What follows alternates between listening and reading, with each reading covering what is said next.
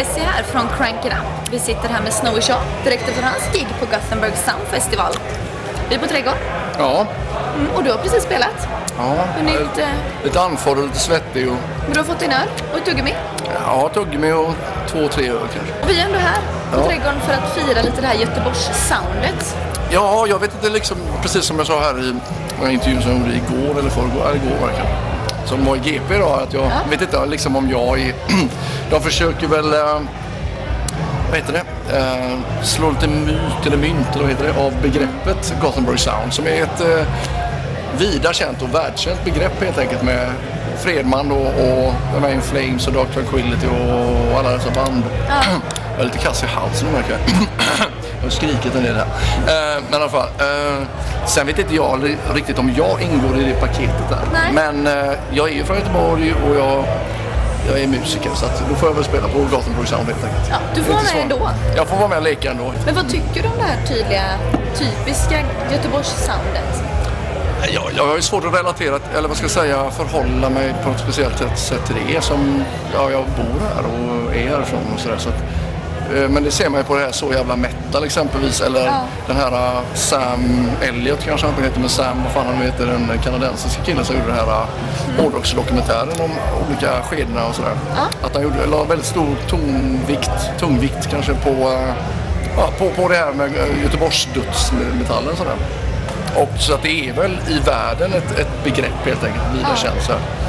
Alltså att, ja, detta var ju många år sedan folk vallfärdade, ska jag inte påstå, men de, många tog sig hit liksom, till Göteborg för att gå på rockbaren och, och se wow, vad är det som är så speciellt där? Men det är lite, lite man kan jämställa det lite med myten kring Rainbow i Los Angeles liksom, Ja. som är ett jävla runkställe helt enkelt. Det är inte Men du har ju bättre. ändå varit där och hängt. Ja, ja. Innan du, i början av, innan du började När jag var spela musik. 20 så här, ja just det, då. Ja, precis. Men i och för sig, då kan man ju nästan fråga dig, du som ändå varit där, just Rainbow, Whiskey Go Go, det som är myten, drömmen dit folk vill vara.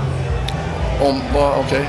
Folk vill What about it så att säga. Ja. Precis, det är ju inte så, är det så romantiskt som Nej, men det blir glorifierat i saker och ting sen om det var stort på för säg, 60-talet, 70, 80 sådär. va. Men eh, folk åker ju fortfarande dit så vitt jag förstår. Och, och tror att wow, här ska det vara någon slags glam-mecka. Men det dog ju liksom när grunge-grejen kom. Alltså sådär. Och, så att, och det är ju absolut inte så alltså, längre. Ah, men om du skulle laga mat på första dejten, vad blir det då? Nej, då får vi gå ut tror jag. Ah, men Eller hur baby? baby med. Tar du ut en tjej på första dejten då, eftersom du inte lagar mat? Jag tar inte ut några tjejer på första dejten efter, efter att jag har gjort det med hon som sitter där borta och, och, och så kommer jag aldrig gå ut på någon mer dejt. Ja, jag tänkte, men okej, men hur var Nej, jag brukar bara, jag brukar bara dra ner gylfen och visa kuken och sådär så det brukar liksom lösa sig av sig självt. Ja, och, där, och därför kommer aldrig killar bli mer romantiska idag. Nej, jag är inte så romantisk förlåt. Ja, så Men jag är ganska ärlig och så har jag ett sånt här filter så här mellan hjärnan och munnen. Så kanske du märker. Du bara löser det. Jag, jag bara säger vad som helst. När var första gången du kom i kontakt med det här Göteborgs-soundet?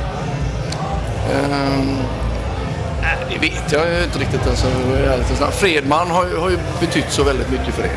Som, som jag spelar ut med i Domiver och sådär. Och, ehm, bara för att egentligen så tror jag... Ja, det är en lång historia det där men han, han har ju bra öron helt enkelt. Han har begåvats med det. Så att han lyckades ju ratta in ett bra och ljud och som var... eh, Vad ska jag säga? Som attraherade många människor Ehm, på ett sådant sätt för att många av de här dödsmetallbanden lät ju jävligt kass helt enkelt. Men så kunde han få det att vara väljudande så att det var liksom blev lite mera utspritt till eh, allmänheten på något sätt. Att man kunde liksom ta sig an den, det soundet. Så, att det, det är mycket beror, beror på Fredman. Alltså han är väldigt eh, viktig i den rollen tror jag. Liksom. Just att ja, göra så att det låter väljudande och bra så folk kan ta sig an. Liksom, helt enkelt.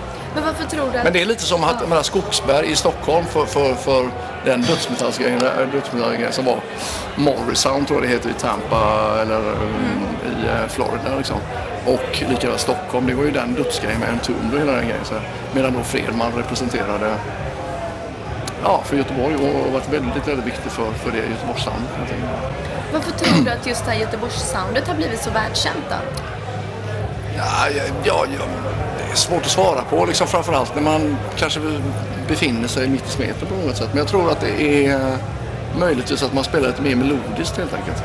Jämfört med om man skulle kunna ta en Entombed och eh, kanske Cannibal Corpse liksom, så här, från Florida och Stockholm. Så, så In Flames exempelvis var ju lite mer melodiska, inte i sången just då. Utan det var melodiskt i, ja, i gitarrmelodier och sådana grejer och stämmer. Medan sången var lite brötig som man säger på göteborgska, eller kraxig ovanpå där. Eh, Jag tror att det är den kombinationen som blev någon slags ny hybrid helt enkelt. Så det var välljudande fast det var fortfarande hårt. Liksom, så här. Och, sen så fick du vara med i en barnbok helt plötsligt då. ja, det är Och är en karaktär. Ja, det är, ju, det är ju ganska imponerande måste jag säga. Eller det, det, det är jag väldigt glad över. Hur kändes det liksom när du... Hur fick du reda på det att du blev en... Ja, jag blev bara tillfrågad av, av eh, författarinnan i fråga. Eh, och det sa jag absolut, det låter väl som en jättekul idé.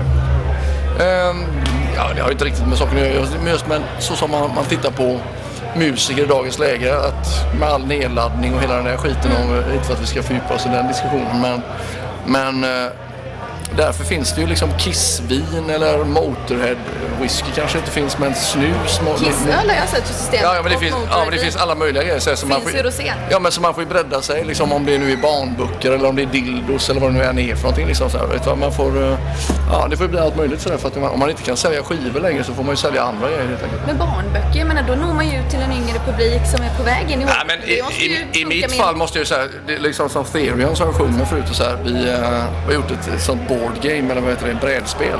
Ja. och så har vi spelat in någon kortfilm eller vad fan man nu ska säga till det. Och eh, ja, men just att man är en sån liten eh, spelfigur ungefär som i Monopol sådär. Ja. Det känns ju lite för mig som ett gammalt Kiss-fan då liksom så här, och växte upp med wow, Kiss i serietidningen så här. Då är det ju fantastiskt. Jag har blivit en karaktär eller så. Och, eh, och att jag just då representeras i en barnbok som en vis gammal man på något sätt. Så. Det är ju jävligt smickrande måste jag säga. Ja men på olika grejer och sånt då som man kan släppa. Skulle du kunna tänka dig att släppa en dildo i kollektion? Nej, nej men menar, det beror ju på liksom. Så, så menar, man måste ju tjäna pengar på något sätt också. Så, och, så menar, det beror ju på, då får man ju ta ställning till det helt enkelt. Okej, får jag fem miljoner för att jag gör det? Ja, fine, då kan jag flytta härifrån. så, ja, men, vet, jag- jo, men så, det beror ju helt på vad det är för någonting faktiskt. Men, eh, men å andra sidan, det är ju inte så att man vill vara med i sammanhang som som ska vara skadliga för ungdomar. Det var jag ganska noga med också till författarinnan här då, liksom. Att, eh, att eh, ja, jag vill inte svära och liksom förespråka droger eller sådär. Liksom, eller, eller någonting sånt där. För, så att kidsen ska tro att okej, för att bli sådär vis eller tuff som de här karaktärerna är i boken så måste du dricka sprit och knarka och, och liksom bete dig så. Det är ganska viktigt tycker jag. För att man vill ju vara ett gott föredöme ändå. Liksom. Absolut. Ja. Men om det hade varit... Man kan vara en jävla så som jag är. Liksom, eller så som jag är. Men jag menar att jag, jag, eh, man kan ha starka åsikter eller vad som helst. Man måste ha starka principer och eh, goda värderingar. Och liksom sunda värderingar.